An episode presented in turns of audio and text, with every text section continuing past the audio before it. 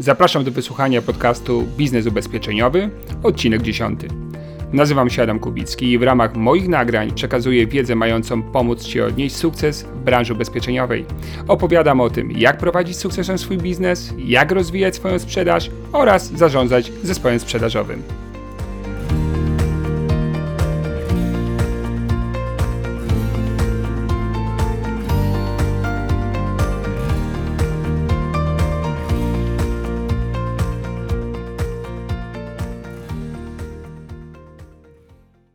Tym razem zdecydowałem się nagrać podcast dla menadżerów sprzedaży. Z tego to powodu, że odwiedzając różne oddziały, miejsca, gdzie mamy menadżerów i ich zespoły, no cóż, zauważam, że tego nowego na rybku mamy coraz mniej. Jest oczywiście spowodowane pewnymi zjawiskami, które dzieją się na rynku pracy, ale są też miejsca, w których menadżerowie radzą sobie z rekrutacją i mają sporo nowych agentów, doradców, konsultantów, co oznacza, że ten proces w tej chwili nie jest jeszcze niemożliwy. On jest po prostu trudniejszy i wymaga może trochę innego podejścia niż to było kilka czy kilkanaście lat temu. Dlatego zebrałem w tym podcaście właściwie takie według mnie najbardziej skuteczne praktyki związane z poszukiwaniem kandydatów, czyli nie może z rozmową rekrutacyjną i wdrażaniem, ale bardziej z tym, co powinien robić menadżer, żeby, żeby znaleźć kandydata czy kandydatów do swojego zespołu. I oczywiście jakościowych kandydatów. Może warto na początek powiedzieć sobie, dlaczego w branży ubezpieczeniowej jest tak duży problem z rekrutacją. Chociaż e, tak myślano, że umowa zlecenie załatwi temat, że już jak nie wszyscy będą musieli od początku założyć działalność gospodarczą, to automatycznie ten kurek kan z kandydatami odkręci się i oni będą lali się strumieniami. No tak się nie stało. Oczywiście wynika to ze specyfiki tego zawodu. Myślę, że niewiele osób w ogóle na świecie chce być osobami, które zajmują się sprzedażą, ale mamy tutaj też dodatkowy, dodatkowy problem, o którym warto powiedzieć. Otóż tak, na swojej drodze przez te wszystkie lata napotykałem, jak, jak wiesz, bardzo wielu ludzi z naszej branży i obserwowałem sobie ich świadomie, co tak naprawdę odróżnia tych, którzy przetrwali, od tych, którzy, którzy odeszli z branży czasami w pierwszym miesiącu, czasami w drugim, a czasami po roku. I oczywiście ktoś mógł powiedzieć, że to są kwestie umiejętności czy predyspozycji. Na pewno też tak jest, ale oprócz tego jest jeszcze jedna bardzo ważna rzecz, o której w naszej branży w ogóle się nie mówi lub niewiele. Jest to rzecz, którą ja nazywam mentalność przedsiębiorcy lub mentalność etatowca. E, słowo mentalność podkreśla, że te dwa rozróżnienia dotyczą bardziej części emocjonalnej naszego mózgu czy mózgu kandydata niż e, kwestii logicznej. I teraz tak, jeżeli chodzi o mentalnego etatowca i mentalnego przedsiębiorcę, to różno, różnią ich wartości, które są dla nich ważne. I to bardzo ich różnią. E, otóż tak, mentalny etatowiec to jest osoba, dla której najważniejsze w życiu jest. No i teraz, gdybym ci zadał pytanie, jak sądzisz, co jest najważniejsze w życiu dla mentalnego etatowca, to prawdopodobnie odpowiesz e, słusznie, czyli e, bezpieczeństwo jako wartość, stabilizacja i pewnego rodzaju wygoda życiowa. No, ponieważ w momencie, kiedy pracujesz na etacie i wychodzisz z pracy, teoretycznie, czy w wielu przypadkach już się nie musisz nią zajmować, czy się nią martwić. E, czyli e, bezpieczeństwo, stabilizacja i wygoda. To jest mentalny etatowiec. Dla tej osoby te wartości są w życiu po prostu najważniejsze, w, oczywiście w karierze zawodowej.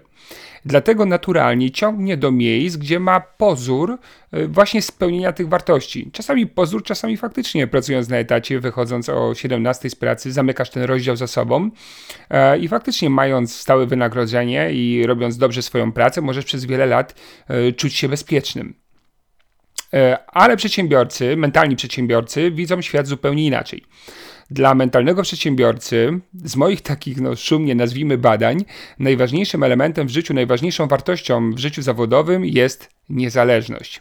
Czyli szuka podświadomie takich sposobów rozwijania się i zarabiania pieniędzy, w których, e, czy w ramach których jest e, jak najbardziej niezależny nie musi słuchać e, jakiegoś tam szefa, nie musi postępować zgodnie z tym, kto sobie coś wymyślił, mm, zwłaszcza wtedy, jeżeli tak sobie on myśli, tak, że, że to wymyślone, ta procedura czy sposób postępowania jest bez sensu, jest nieskuteczny czy niepraktyczny. Dlatego niezależność dla przedsiębiorcy mentalnego jest bardzo ważna. Prawdopodobnie ty też, y, będąc w tej branży już od wielu lat, lub od kilku, lub może startujesz, y, jesteś osobą, która ceni niezależność.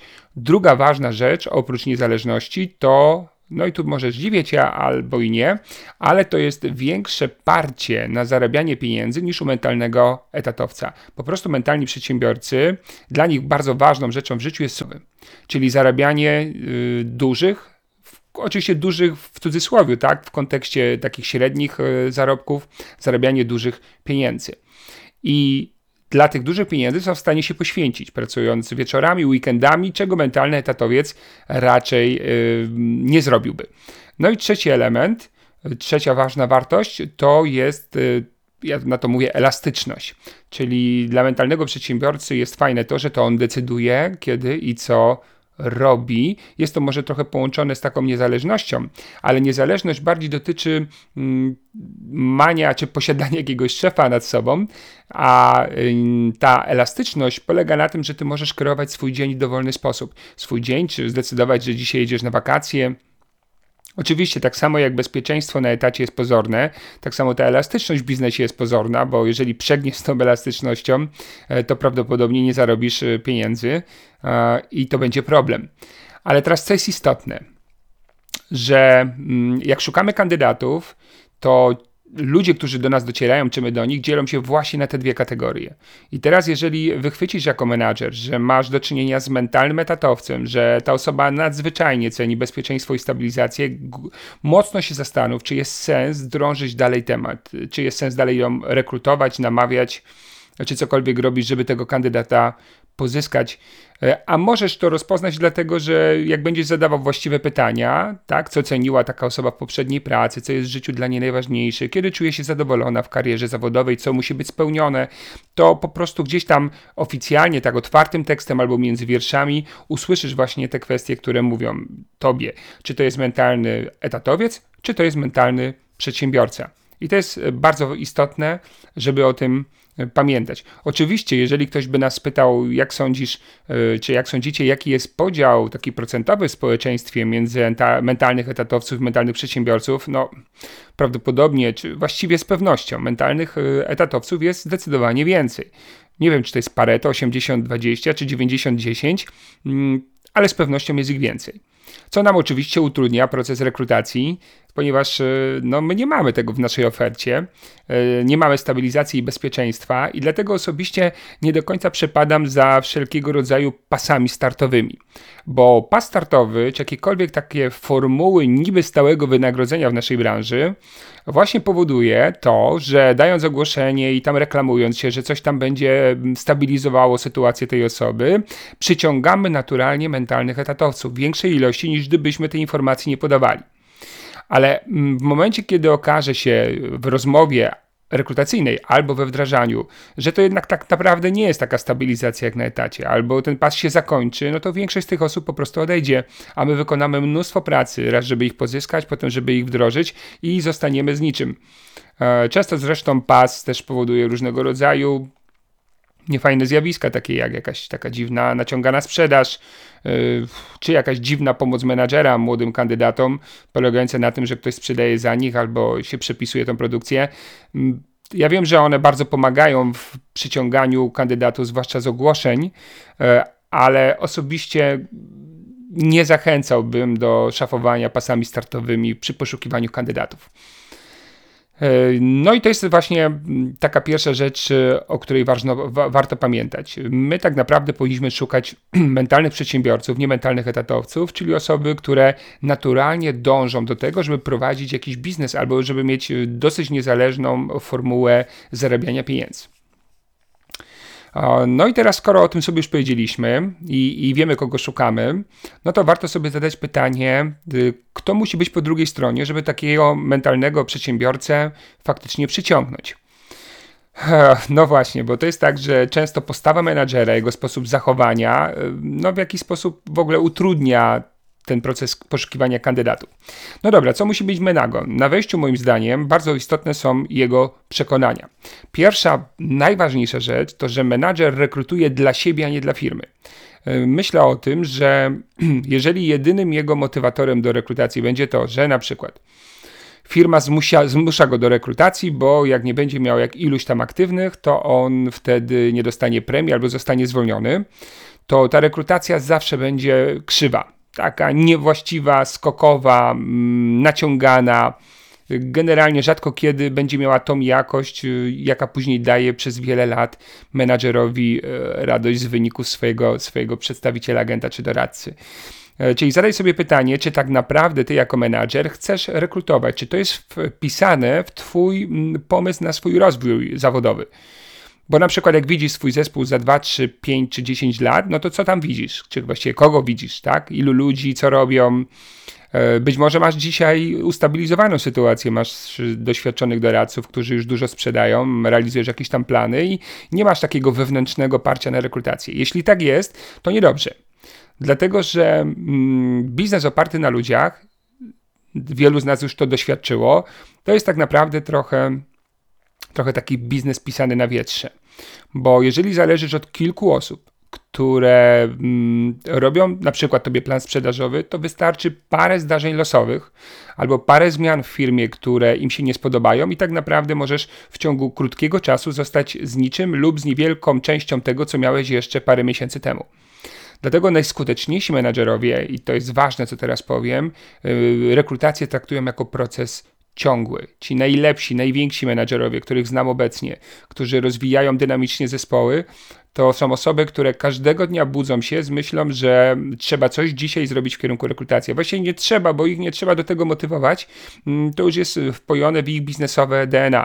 To jest trochę jak ze sportowcami, tak jak, jak pytamy trenerów, y, jakiegoś wybitnego sportowca, byłych trenerów, jak był młodym człowiekiem czy, czy dzieckiem, co robił, żeby go motywować, to najczęściej usłyszymy odpowiedź, że właściwie nie było z tym problemu. Gorzej było w drugą stronę, żeby trzeba było go hamować, żeby nie robił za dużo bo by sobie zrobił krzywdę, czy się przetrenował. I podobnie jest y, w rekrutacji. Jeżeli ty musisz się y, zmuszać do rekrutacji, to coś z tą rolą menadżera jest y, nie tak. Coś myślane do końca. Nie do końca chyba wiesz, dlaczego tu jesteś, dlaczego w ogóle jesteś menadżerem. Bo bycie menadżerem tylko dla wizytówki, czy dla takiego społecznej akceptacji wokół ciebie, w mojej ocenie nie ma sensu, bo to jest biznes, a biznesem, biznes, główna radość z biznesu i główne szczęście jest wtedy, jeżeli mm, osiągasz odpowiednie wysokości swoich dochodów. E, no i jako menadżer ten dochód kreuje się z sprzedaży grupy dużo trudniej niż ze sprzedaży własnej. To wymaga więcej pracy, to wymaga naprawdę wielu godzin poświęcenia i jeżeli nie jesteś na to gotowy, gotowa, to może właściwie nie ma sensu być dzisiaj menadżerem. Może wróć do sprzedaży albo znaleźć jakąś inną rolę zawodową, e, no bo w tym momencie, jeżeli nie osiągniesz sukcesu finansowego, a po iluś latach spojrzysz wstecz i powiesz, Boże, ile lat byłem tym menadżerem i właściwie nic mi to nie przyniosło, no to chyba byłoby, chyba byłoby szkoda. Ale jeżeli chcesz zostać liderem e, w swoim oddziale, w regionie, w branży, na rynku, osiągnąć swoje cele, to pamiętaj, trzeba zmienić swoje podejście do rekrutacji. Trzeba tą rekrutację po prostu potraktować jako priorytet jako jedną z trzech najważniejszych czynności w swojej pracy i codziennie poświęcić jakąś małą kropelkę chociażby tego czasu na, na to, żeby tą rekrutacją się zająć.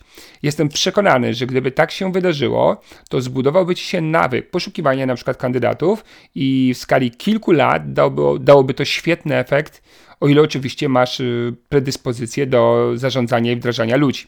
No bo sama rekrutacja, samo poszukiwanie kandydatów nie jest oczywiście panaceum na sukces w prowadzeniu zespołu. No ale dzisiaj skupiam się właśnie na tym, na tym aspekcie.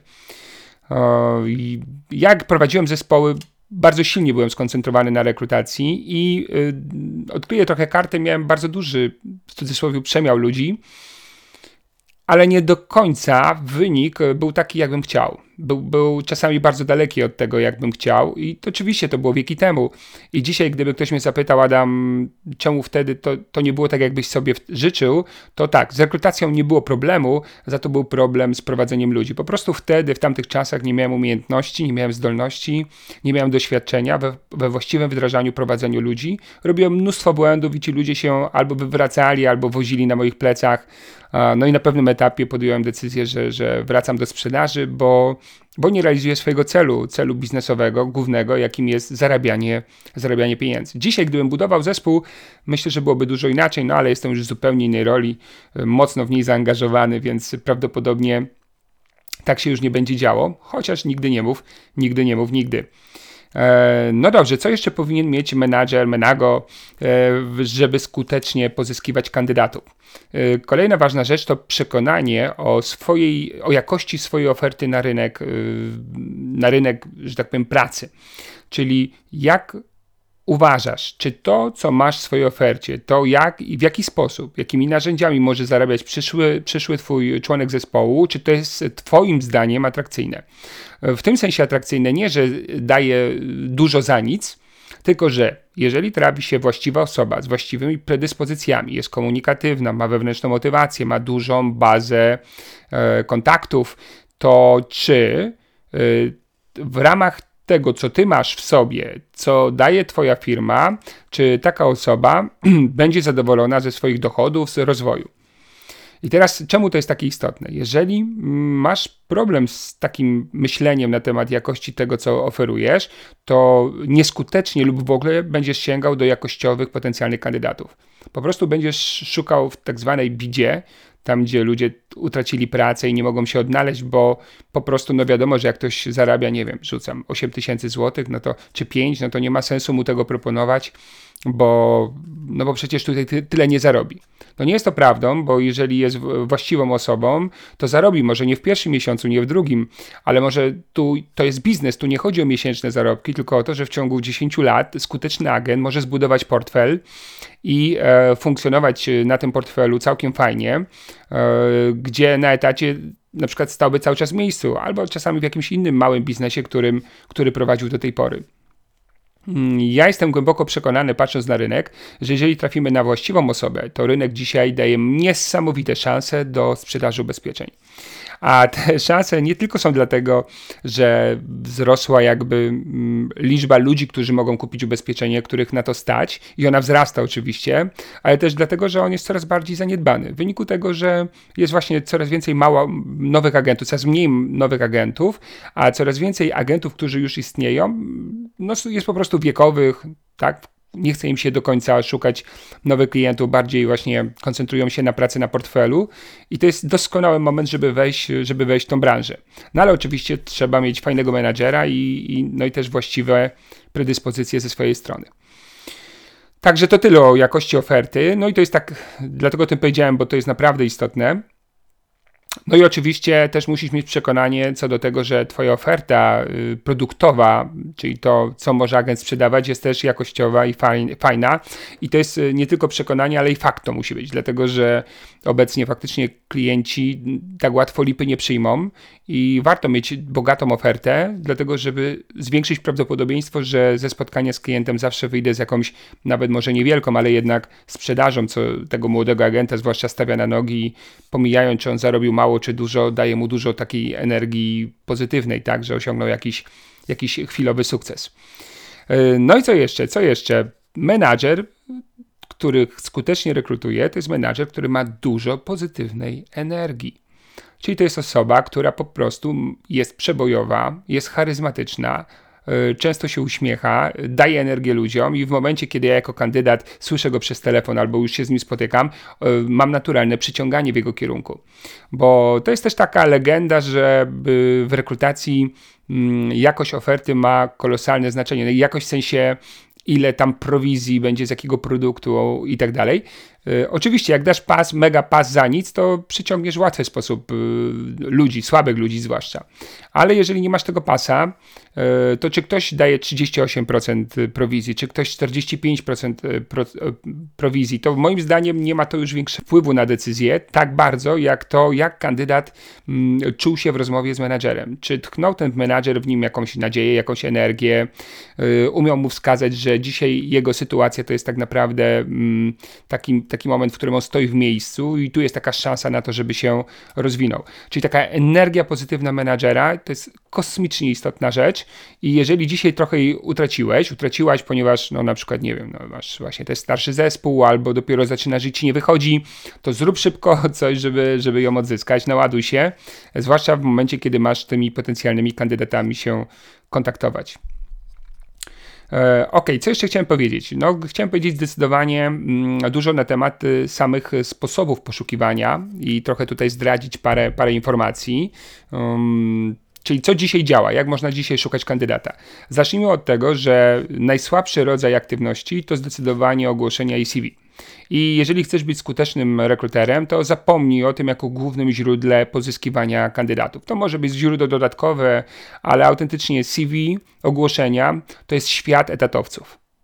Jeżeli ktoś chce prowadzić firmę albo chce mieć niezależną rolę, bardzo rzadko sięga do tego, żeby wysłać gdzieś CV swoje.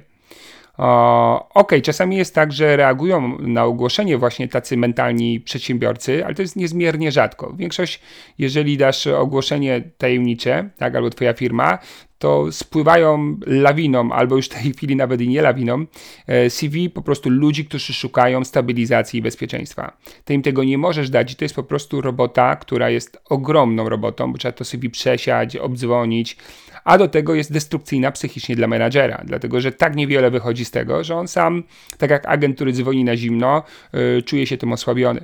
Dodatkowo jeszcze oczywiście y, procent odbywalności takich spotkań umówionych CV jest bardzo niski, często jest bardzo niski, co powoduje, że, że ten, to źródło rozwala ci dzień, rozwala ci organizację pracy, rozwala ci emocje. E, ja, gdybym dzisiaj rekrutował, zdecydowanie bym o tym zapomniał. Ok, skąd w takim razie biorą się kandydaci obecnie na rynku, tacy dobrzy kandydaci? No i teraz tak, e, jak tak sobie podpatruję, podpytuję, no i też w sumie to się chyba nie zmieniło, bo za moich czasów też ja w ten sposób szukałem ludzi. Zdecydowanie kontakty własne są numerem jeden. Ja wiem, że już te kontakty własne prawdopodobnie w dużej części masz przerobione, ale prawdopodobnie może warto wrócić do tego, e, ale też znaleźć inny sposób komunikacji, bo wszystko w tym poszukiwaniu zaczyna się od jakości komunikacji, czyli tego, w jaki sposób ogłaszasz swoje istnienie i swoją propozycję. To ponieważ tak jak cię słyszą, no zakładamy, że dzwonisz na przykład telefonicznie, tak cię potem widzą i tą propozycję. Typowe błędy to na przykład e, cześć Jarek, e, mogę ci chwilę zająć? Słuchaj, mam taką prośbę, wiesz co, teraz y, w firmie X zostałem menadżerem zespołu, no i wiesz co, mam takie zadanie, po prostu będę teraz rekrutował ludzi, właśnie rekrutuję osoby do mojego zespołu. Nie wiem, czy ty może znałbyś kogoś, kto, kto byłby zainteresowany taką pracą, a może, nie wiem, ktoś teraz stracił pracę i szuka, jak tam to jest u ciebie?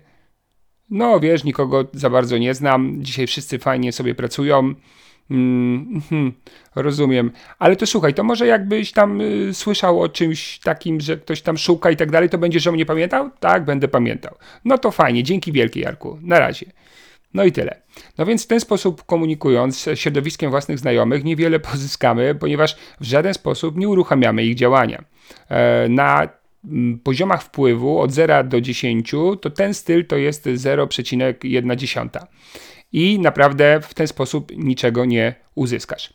Czyli tak zwana ogólna gadka, kiedyś, gdyby, jeżeli, e, trochę taka technika na pieska, bo ja poszukuję, może ktoś byłby zainteresowany, to po prostu przedstawiacie w takim bardzo słabym świetle.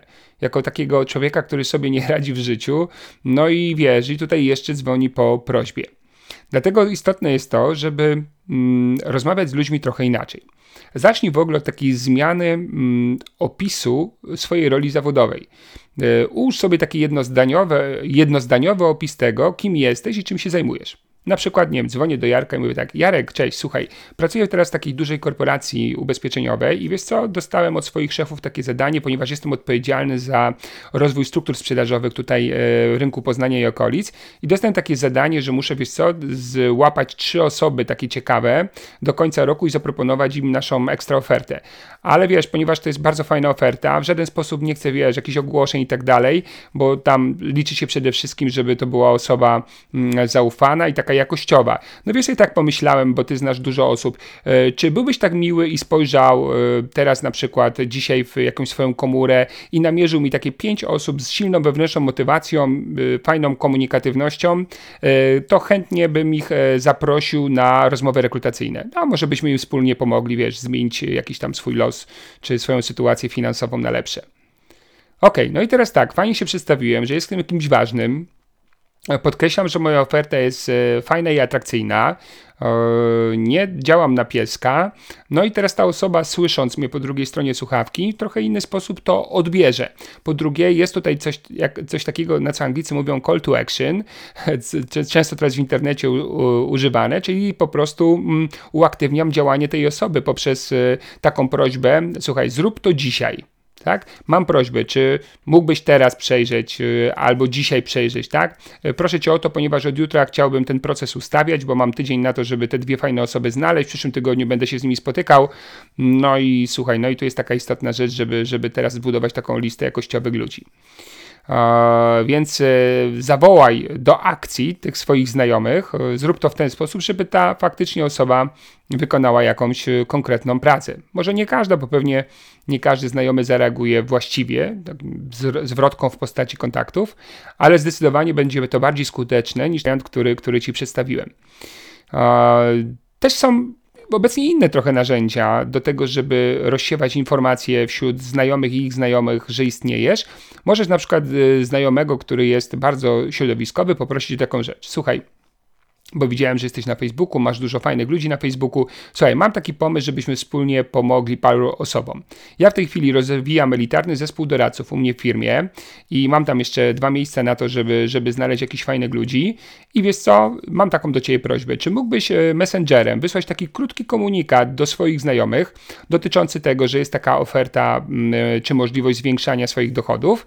E, ja Ci prześlę ten krótki komunikat, czy mógłbyś go wrzucić messengerem na, do swoich wszystkich znajomych na Facebooku. No i załóżmy, że ten znajomy się zgadza i mówi, słuchaj, nie ma problemu, wrzucaj mi, zaraz przerzucę. No i to wrzucasz i on w ciągu 5 minut tam kreuje taką wiadomość, wysyła przez Messengera do na przykład 600 znajomych. Um, no i już prawdopodobieństwo właściwej reakcji zdecydowanie jest większe niż gdybyś e, to, ten sam komunikat puścił przez e, na przykład ogłoszenie w gazecie.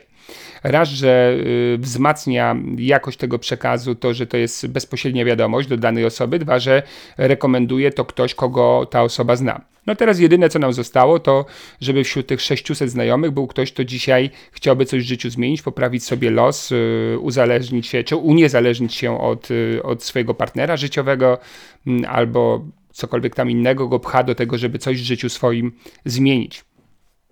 Czyli takie kontakty własne możesz wykorzystywać na wiele sposobów. E, czym bardziej jesteś osobą kontaktową, tym, tym fajniej. I teraz co jest istotne? W tych kontaktach własnych to nie są tylko znajomi, rodzina, przyjaciele, ale również i twoi klienci. Jeżeli jesteś menadżerem, który ma swoich klientów, to zdecydowanie te same działania powinieneś wykonać na swoich klientach. Znaczy poprosić ich o pomoc w dotarciu do ciekawych ludzi w sposób bardziej precyzyjny niż robiłeś to do tej pory, jeżeli w ogóle to robiłeś.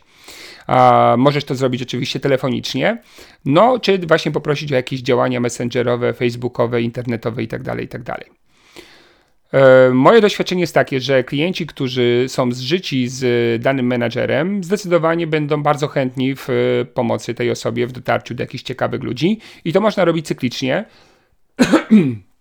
Dlatego, przepraszam, dlatego, że e, ci, część tych klientów cały czas poznaje nowe osoby. I to, że dzisiaj mówią, nikogo nie znam, albo już właśnie dałem panu te kilka osób, to za rok taka prośba może wygenerować kolejne fajne, kolejne fajne kontakty. E, dodatkowym elementem tej całej układanki mogą być również klienci zespołu, czyli klienci Twoich doradców, agentów, przedstawicieli, konsultantów. E, oczywiście taka prośba, żeby to sami agenci poszukiwali za Ciebie, mm, to nie jest dobry pomysł, to się zazwyczaj nie sprawdza. Mm, chyba, że jesteście bardzo życi i oni to po prostu zrobią dla ciebie, bo cię lubią i kochają. Mm, ale jeśli tak nie jest, to po prostu możesz poprosić agentów, żeby na przykład oni puścili mailem do wszystkich swoich klientów taką e, Twoją osobistą prośbę, czyli mm, e, szanowny Panie Adamie, przesyłam moją prośbę, prośbę mojego menadżera do Pana. To jest mój menadżer, z którym od wielu lat współpracuję i ma pewną prośbę, e, poprosił mnie, żebym do jakościowych klientów wysłał tą prośbę, no i wybrałem Pana i wysyłam. No i teraz idzie cytat od menadżera, że w tej chwili buduje tam jakiś zespół doradców mm, i chciałby zaproponować jednej osobie do końca roku możliwość rozwoju zawodowego w bardzo dużym stopniu, ponieważ będzie całkowicie zaopiekowana i to i tamto i tak dalej. I tak będzie mogła zarabiać i super. może być też tak, że jeżeli masz bardzo zaufanych y, agentów w swoim zespole, to możesz po prostu ich poprosić, żeby spojrzeli na swoje bazy klientów i wyciągnęli z tej bazy takie osoby, które mają silne środowiskowe oddziaływanie. Są na przykład wysoko w jakichś y, hierarchiach, organizacjach y, biznesowych czy pozabiznesowych, są właścicielami firm i tak dalej, i tak dalej. No i w momencie, kiedy y, już to zrobią, nie wiem, mój na przykład agent Krzysiu dał mi 15 takich namiarów. Mówi, Adam, to są naprawdę bardzo fajne osoby, to teraz ja sobie dzwonię do tych osób z jego polecenia. Czyli mówię, dzień dobry, Adam Kubicki, czy z panem nie wiem, Janem Kowalskim, tak to ja. Y, proszę pana, dzwonię z polecenia mojego agenta, Krzysztofa Iksińskiego, który właśnie, ja jestem menadżerem jego, tak, on jest agentem. Tak, kojarzę, jasne. A dzwonię w takiej sprawie, bo oprócz tego, że opiekuję się właśnie zespołem sprzedażowym, mam jeszcze takie firmie dodatkowe zadanie. No i tutaj fajnie opisujesz, co robisz, tak, że że w tej chwili rozwijasz zespół, czy albo budujesz zupełnie nowy zespół, fajna oferta itd., tak itd. Tak no i prosisz klienta o wsparcie, czy mógłby przemyśleć, kto z jego środowiska byłby godny polecenia do rozmów tego typu, do rozmów rekrutacyjnych. Bywa, że sami klienci się zgłaszają, e, ale to bardzo rzadko, ale słuchaj, skuteczność jest mniej więcej na poziomie 80%, czyli 80% obdzwonionych klientów reaguje pozytywnie, pozytywnie w tym sensie, że e, poszukuje tych e, kandydatów w swojej bazie. E, także to jest też takie źródło. E, no ale też nie zapominajmy o tym, co powiedziałem na początku, że że faktycznie e, jest tak, że my szukamy tak naprawdę mentalnych przedsiębiorców. I co to oznacza? Że jednym z najbardziej zaniedbanych źródeł rekrutacyjnych, czy właściwie miejsc, gdzie powinniśmy rekrutować, to są właśnie przedsiębiorcy ponieważ bardzo niewiele osób, y, z menadżerów z naszej branży rekrutuje wśród przedsiębiorców. Tak systematycznie oczywiście, już pomijam jakieś sytuacje, w których to się po prostu przez przypadek wydarzyło. Um, Oczywiście warto sobie zadać pytanie, czy na pewno dzisiaj, w dzisiejszych czasach, wszyscy przedsiębiorcy świetnie sobie radzą. Mają super dochody, przychody i biznesy kwitną i tak dalej, i tak. W mojej ocenie nie ma w ogóle takich czasów, żeby to się tak działo. Zawsze na rynku są liderzy, są ludzie przeciętni i tacy, którzy sobie nie radzą. O, oczywiście to nieradzenie sobie może być y, spowodowane różnymi rzeczami. To nie zawsze musi być fajtłapa biznesowa, ale nastąpiły jakieś zmiany systemowe, weszła silna konkurencja, zmiana przepisów, chociażby tak jak e, farmy wiatrowe, tak, w Polsce, które przez półtora roku zostały jako biznes prawie zupełnie zniszczone. No ale to już są akurat duże biznesy. Mm, ale jest wiele, wiele e, mikro i małych przedsiębiorców, którzy, e, mimo że mamy niby wzrost gospodarczy, no, wcale nie święcą takich ogromnych sukcesów. Zaletą tych ludzi jest to, że a e, mają już swój biznes, czyli płacą na przykład składkę ZUS-owską i nie musisz ich przekonywać do zakładności. B, i to jest też ważne, zazwyczaj mają zdecydowanie większą bazę klientów niż pracownik etatowy, którego rekrutujesz. Zazwyczaj, bo to nie jest reguła, ale tak średnio mają więcej. I czemu to jest istotne? Jak patrzę na takie przetrwanie młodego kandydata w naszej branży, to oprócz jego cech i predyspozycji, e, kluczowym elementem, który powoduje, że albo mu wychodzi, albo nie, jest to, z jaką bazą początkową przychodzi do naszego biznesu. Czyli ile osób tak naprawdę może wypisać na tak zwanej, no tej szumnie mówiąc, liście 100. I teraz, jeżeli ktoś przychodzi, kto ma dzisiaj na przykład na takiej liście 30 osób, bo zna paru, ma paru znajomych, trochę rodziny, kilku kolegów z poprzedniej pracy i to jest wszystko, to ja mu nie wróżę zwycięstwa e, lub będzie ono bardzo trudne, no bo po dzwonieniu tych 30 osób i wygenerowaniu zazwyczaj kilku umów i wzięciu paru poleceń, ma kłopot, żeby szukać tych klientów dalej. E, zwłaszcza w obszarze ubezpieczeń życiowych, dzisiaj dzwonienie na zimno to jest faktycznie statystyczna katorga. I teraz mamy klienta, e, przepraszam, kandydata z biznesu, to jest człowiek, który ma e, tak, kontrahentów, ma swoich klientów, ma różnego rodzaju znajomości, bo nie wiem, na przykład jeździł na różnego rodzaju targi i tak dalej, i tak dalej, ma kooperantów, no generalnie na pewno ma szerszy rynek. E, zdecydowanie prawdopodobnie jest też w miarę komunikatywny, no bo inaczej by tego biznesu jako szef nie prowadził, chociaż nie jest to zawsze oczywiście regułą. No i teoretycznie jest na wyższym poziomie wewnętrznej motywacji, bo jak przetrwał w biznesie e, i nie uciekł na etat, no to, no to jednak ma to takie ciśnienie na nim, sukces, zarabianie pieniędzy i tak dalej. No i teraz zadaj sobie pytanie, albo zadajmy sobie pytanie, jak można szukać e, w świecie przedsiębiorców. potencjalnych kandydatów. No, pierwsza rzecz, że to nie zawsze będzie tak, że ten człowiek rzuci biznes i, yy, i wejdzie w nasz biznes. Myślę, że bardzo często to będzie tak, że będzie starał się łączyć te dwie funkcje, co wcale nie jest nie do zrobienia, jeżeli yy, odpowiednio ma poukładane to wszystko w głowie i, i, i po prostu mu się chce. Yy, a z czasem część tych osób rezygnuje z tamtego biznesu na rzecz sprzedaży ubezpieczeń, bo bo sprzedaży ubezpieczeń od strony biznesowej mamy bardzo wiele zalet. Pierwszą zaletą jest to, że nie musisz inwestować pieniędzy, żeby generować wysoki dochód. Drugą zaletą jest to, że jest bardzo szeroki rynek mm, potencjalnych klientów do zakupu ubezpieczenia, dużo szerszy niż w wielu innych branżach. E, trzecia ważna rzecz to taka, że jest support, że e, menadżer, firma, biuro, wszystko dookoła pomaga tej osobie odnieść sukces, ma wsparcie na każdym kroku, czego nie można powiedzieć o zakładaniu po prostu takiego zwykłego biznesu samodzielnie. Kolejna ważna rzecz to mm, to brak VAT-u. To tak może śmiesznie brzmi, ale dla wielu przedsiębiorców VAT to bardzo duże dodatkowe obciążenie podatkowe, dlatego że nie w każdym biznesie można sobie mm, coś tam od tego VAT-u odciągnąć. Yy, załóżmy, że jest to jakiś biznes usługowy, który nie wymaga jakichś narzędzi czy, czy substancji, które muszę kupować i w związku z tym w momencie, kiedy świadczę usługę i na przykład y, jestem na VAT-ie, no to ja po prostu płacę nie tylko podatek dochodowy, ale ten VAT w prawie pełnej wartości od przychodu, co tak naprawdę oznacza, że na skali podatkowej mój podatek rośnie z 19 do, do prawie 40% czasami. A tutaj oczywiście branża przynajmniej do tej pory jest bez VAT-u, y, co jest y, naprawdę dla wielu przedsiębiorców bardzo dużą, fajną, może może inaczej, bardzo fajną informacją, tylko że o tym nie wiedzą, no bo my do nich skutecznie e, i systematycznie nie docieramy. E, także jest bardzo dużo takich e, przesłanek do tego, że klient przedsiębiorca, który dzisiaj ma jakiś taki, nie klient, kandydat przedsiębiorca, który ma dzisiaj taki kreatywny niepokój biznesowy, nie idzie mu tak jakby chciał, albo wręcz przeciwnie, idzie mu dobrze, ale nie ma pomysłu, co mógłby jeszcze zrobić, żeby szło mu jeszcze lepiej, no to tutaj nasza propozycja dla takiej osoby może być bardzo atrakcyjna.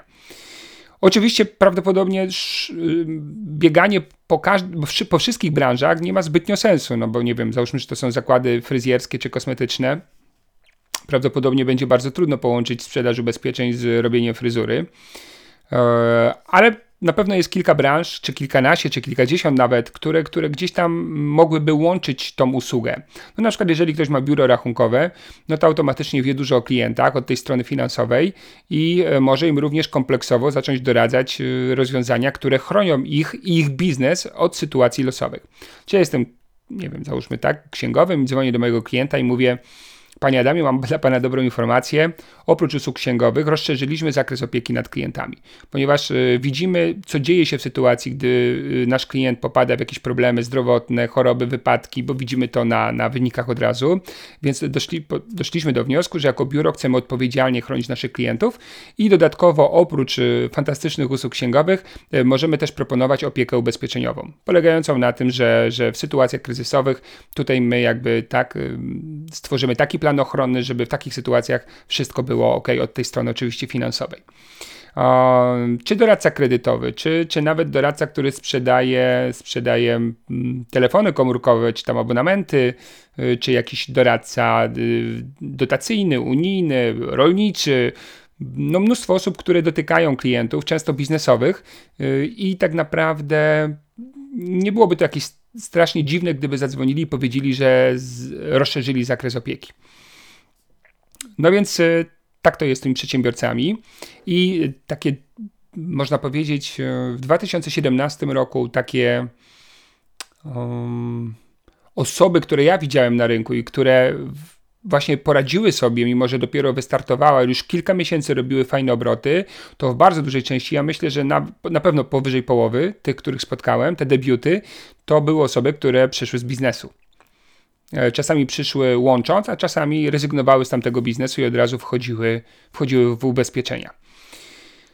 E, no dobrze, jak szukać tych przedsiębiorców? No można na przykład y, kontaktem bezpośrednim temat załatwić, czyli y, na przykład możesz wytworzyć sobie taki nawyk, jeżeli gdzieś jest, jestem w mieście, jestem na spotkaniach y, i na przykład z moim młodym agentem i widzę obok jakąś firmę, nie wiem, usługową, usługi reklamowe to mówię tak, poczekaj chwilę w samochodzie, wiesz co, ja wezmę wizytówkę, na 5 minut cię zostawię, ja tutaj wejdę na chwilę do tej firmy. No i wchodzę i mówię, dzień dobry, Adam Kubicki, czy z właścicielem tam firmy Adamex, tak to ja, albo szefa nie ma, no jak nie ma szefa trudno, jak jest, Mówię, proszę pana, ja się chciałem przedstawić, jestem menadżerem, byłem tutaj właśnie na spotkaniu handlowym i pomyślałem sobie, że wręczę panu wizytówkę, dlatego że w tej chwili właśnie w tym regionie jestem odpowiedzialny również za pozyskanie dwóch przedsiębiorców, którym moglibyśmy pomóc rozwinąć ich rentowność poprzez rozszerzenie biznesu o biznes ubezpieczeniowy.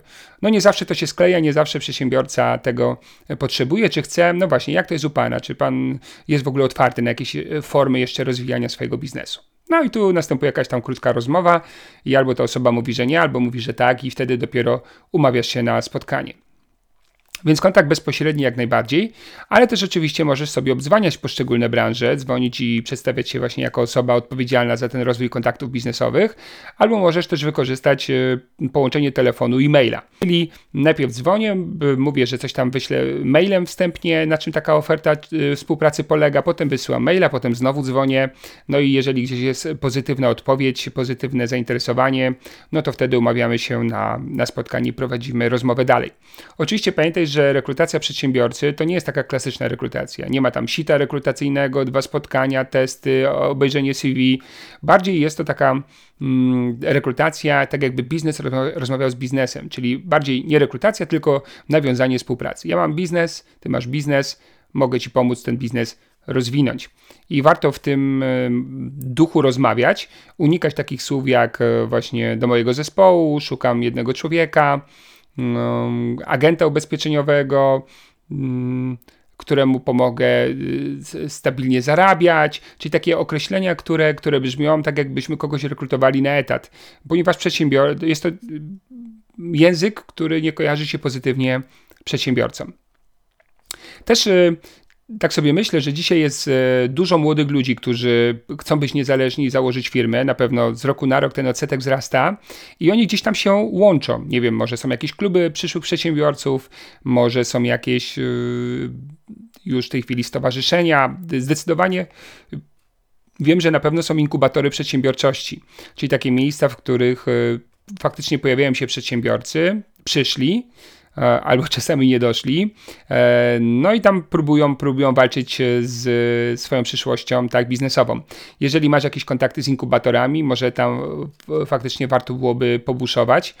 Nie będzie może to prawda łatwe, dlatego że inkubatory przedsiębiorczości żyją z tego, że ten młody przyszły przedsiębiorca nie zakłada właśnie działalności i korzysta z inkubatora jako pośrednika, ale no któż to wie, może, może tam będzie w jakiś sposób możliwość nawiązania, nawiązania współpracy. Także myśl, kombinuj, e, ponieważ e, tak naprawdę to, że dzisiaj na przykład nie idzie ci w rekrutacji tak jak e, powinno, to nie jest dlatego, że rynek nie daje takiej możliwości, tylko dlatego, że ty nie ruszasz się we właściwy sposób. Być może cały czas wierzysz w CV ogłoszenia, być może po prostu e, za mało poświęcasz czasu na rekrutację w stosunku do tego, jak to wyglądało wcześniej. I teraz najważniejsza, fajna e, informacja dla Ciebie na koniec. Najbardziej zmęczeni jesteśmy tym, czego nie lubimy i e, a, a wiemy, że powinniśmy robić, czyli tak zwanym wyrzutem sumienia. Jestem przekonany, że jeżeli już od jutra uruchomisz jakieś swoje pierwsze działania rekrutacyjne, to będziesz e, mieć z tego więcej energii i zadowolenia niż dzisiaj z myślenia o tym, że masz kłopot e, z tym, że nie masz ludzi, odpowiedniej ilości ludzi w zespole. Także polecam Ci działanie, ponieważ działanie działa, znaczy działanie e, wywołuje taki efekt wzmocnionej energii, pozytywnej energii. E, jak wyjdziesz na rynek rekrutacyjny, zaczniesz spotykać się z ludźmi, rozmawiać, wysyłać maile, dzwonić, automatycznie uruchomi się w tobie coraz więcej energii. I pamiętaj, co jest istotne, żeby każdego dnia zrobić jakiś malutki krok rekrutacyjny. Nawet jeden telefon, nawet jeden e-mail, nawet e, jedna myśl albo 5 minut zapisania sobie trzech pomysłów na kartce spowoduje, że wybudujesz sobie nawyk permanentnej rekrutacji. A tak naprawdę to on, ten nawyk jest źródłem prawdziwego sukcesu. Inaczej Inaczej prawdopodobnie czeka Cię przeciętność w zarządzaniu i w rozwoju swojego zespołu, a jak wiesz, przeciętność y, to rzadko kiedy droga do realizacji swoich marzeń, czego Ci oczywiście nie życzę. Także życzę Ci, żeby w najbliższych dniach Twoje podejście do rekrutacji e, zmieniło się na jeszcze mocniejsze, jeszcze bardziej aktywne. E, no i cóż, na razie to tyle. Dziękuję serdecznie za wysłuchanie tego nagrania i do następnego razu. Pozdrawiam serdecznie.